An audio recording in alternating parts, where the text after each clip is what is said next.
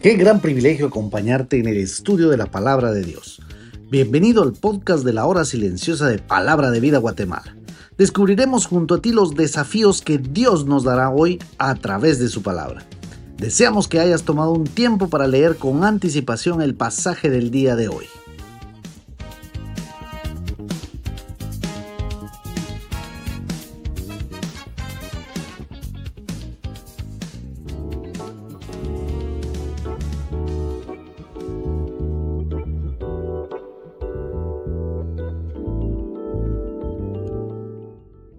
Es un privilegio nuevamente estar con ustedes en el comentario de la hora silenciosa de palabra de vida.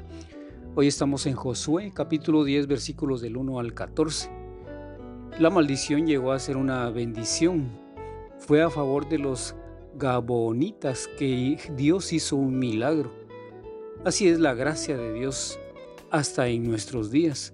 Él puede convertir la maldición en bendición. Aunque es cierto que por lo general las consecuencias naturales del pecado deben tomar su curso. La gracia de Dios no solo puede perdonar, sino que también pasa por alto los errores y obtiene bendiciones de los pecados y fracasos. El rey Adonisedec de Jerusalén fue presa del pánico y con justa razón al ver que el avance de las tropas israelitas continuaban sin obstáculos. Entonces Jerusalén pronto sería rodeada y capturada. La seguridad de Jerusalén estaba severamente amenazada. Así que el rey de Jerusalén envió un mensaje urgente a otros cuatro reyes amorreos de la región sur de Canaán, enfatizando el hecho de que Gabón había hecho paz con Josué y con Israel, dice en el versículo 4, lo cual significaba traición y por lo tanto era condenable. Era una señal de guerra. Debía tomarse acción inmediata en contra de Gabaón. Entonces se juntaron las fuerzas armadas de cinco reyes para formar la Confederación Sur para poner pelea contra Gabón. Confrontados con la amenaza de ser masacrados, los moradores de Gabaón enviaron a un mensajero a Josué en Gilgad, dice en el versículo 6, con una insistente petición de ayuda para contrarrestar al oponente ejército que los estaba presionando. ¿Por qué tendría Josué que acceder a esa solicitud ante un pueblo que lo había engañado, como lo vimos en el versículo y capítulo anterior? ¿Por qué no simplemente se hizo a un lado y dejó a los cananeos que pelearan entre sí? Dice el versículo 7, y subió Josué a Gilgal, él y todo el pueblo de guerra con él y todos los hombres valientes. Por la reacción inmediata de Josué, es evidente que a esta eh, no era una opción para él. Algunos sugieren más bien que es una prueba de que el pacto entre Israel y los gabonitas era de defensa mutua. Sin embargo, no hay un registro de tal afirmación. El motivo por el cual Josué respondió de esta forma está relacionado con su estrategia militar. Hasta ese momento Josué y el ejército de Israel habían atacado una ciudad fortificada a la vez. Este ataque normalmente era largo y difícil y les tomaría mucho tiempo si querían conquistar toda la tierra de Canaán. Pero ahora Josué tenía eh, y sentía que era la oportunidad estratégica, pues todo el ejército de la fuerza de los amorreos estaba contonada, estaba junta en un campo abierto fuera de Gabaón. Si Israel alcanzaba la victoria en ese sitio, acabaría con las fuerzas enemigas de la región. Además, Dios dijo a Josué, y Jehová dijo a Josué, no tengas temor de ellos, porque yo los he entregado en tu mano, y ninguno de ellos prevalecerá delante de ti, dice el, versículo 8. Josué reunió a los hombres valientes y marcharon 40 kilómetros desde Gilgal hasta Gabón durante la noche. Aquel fue un recorrido extenuante para la tropa, ya que ascendieron aproximadamente 1100 metros por un terreno difícil y no tuvieron tiempo para descansar y tenían que enfrentar a su enemigo poderoso. Ciertamente Dios tendría que intervenir si no serían derrotados en aquel lugar. Seguramente motivados por la promesa divina de victoria, Josué se dirigió a los soldados en un ataque sorpresivo sobre las fuerzas de los amorreos del sur.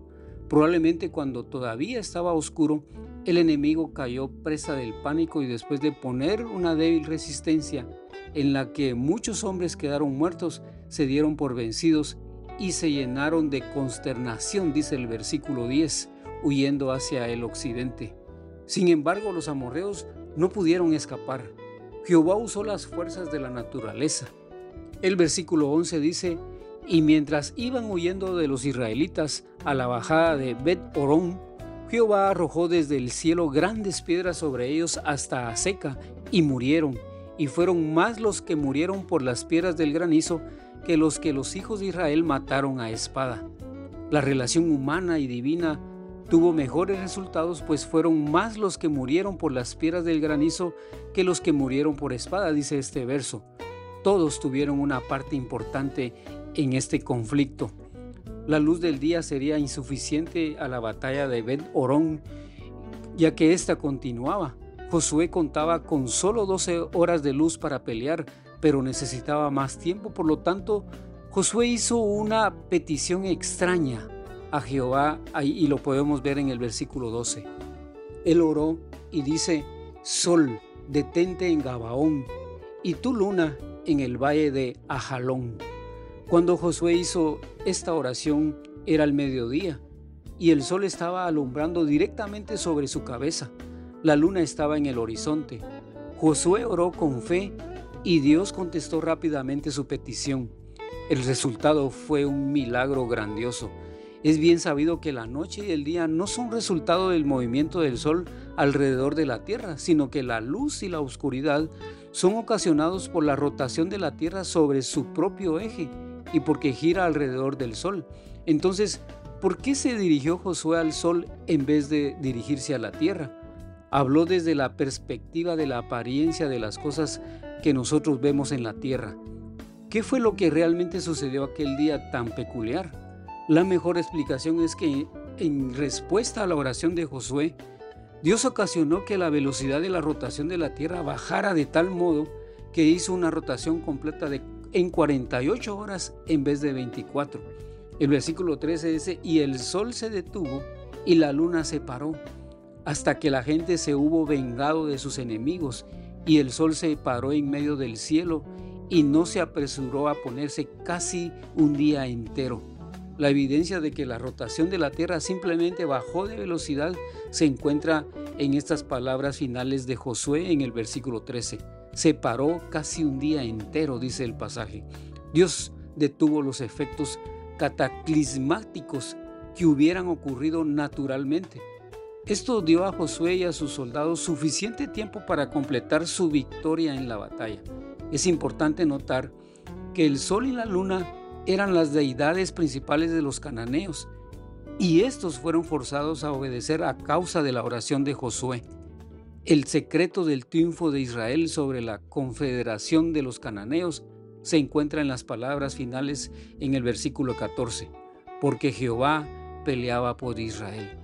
En respuesta a la oración, Israel experimentó una intervención dramática de Dios a su favor y la victoria fue contundente. Por eso, vívelo. Cuando se junten contra nosotros nuestros enemigos espirituales y amenacen con tragarnos, Acudamos en fe y oración a Cristo, nuestro Josué, para obtener fuerza y socorro. Así lo hizo Pablo y recibiremos la misma respuesta que recibió él. Bástate mi gracia, dice allá en 2 de Corintios. Un soldado de Cristo ha de sufrir dificultades en el seguimiento de su Señor. La fidelidad al Maestro le exige al creyente sacrificio y lealtad. El sol de justicia es nuestra salvación, dice en Malaquías la luz verdadera que alumbra a todo hombre, dice en Juan 1.9. Mi nombre es Carlos Boj y como siempre esperamos que esta palabra cumpla sus propósitos en tu vida.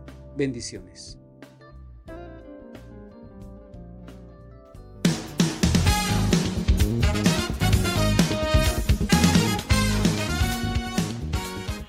Es emocionante saber los tesoros que Dios tiene en su palabra para nosotros. Ayuda a tus amigos a que descubran la voluntad de Dios para su vida. Comparte este podcast con ellos. No olvides seguirnos en nuestras redes sociales.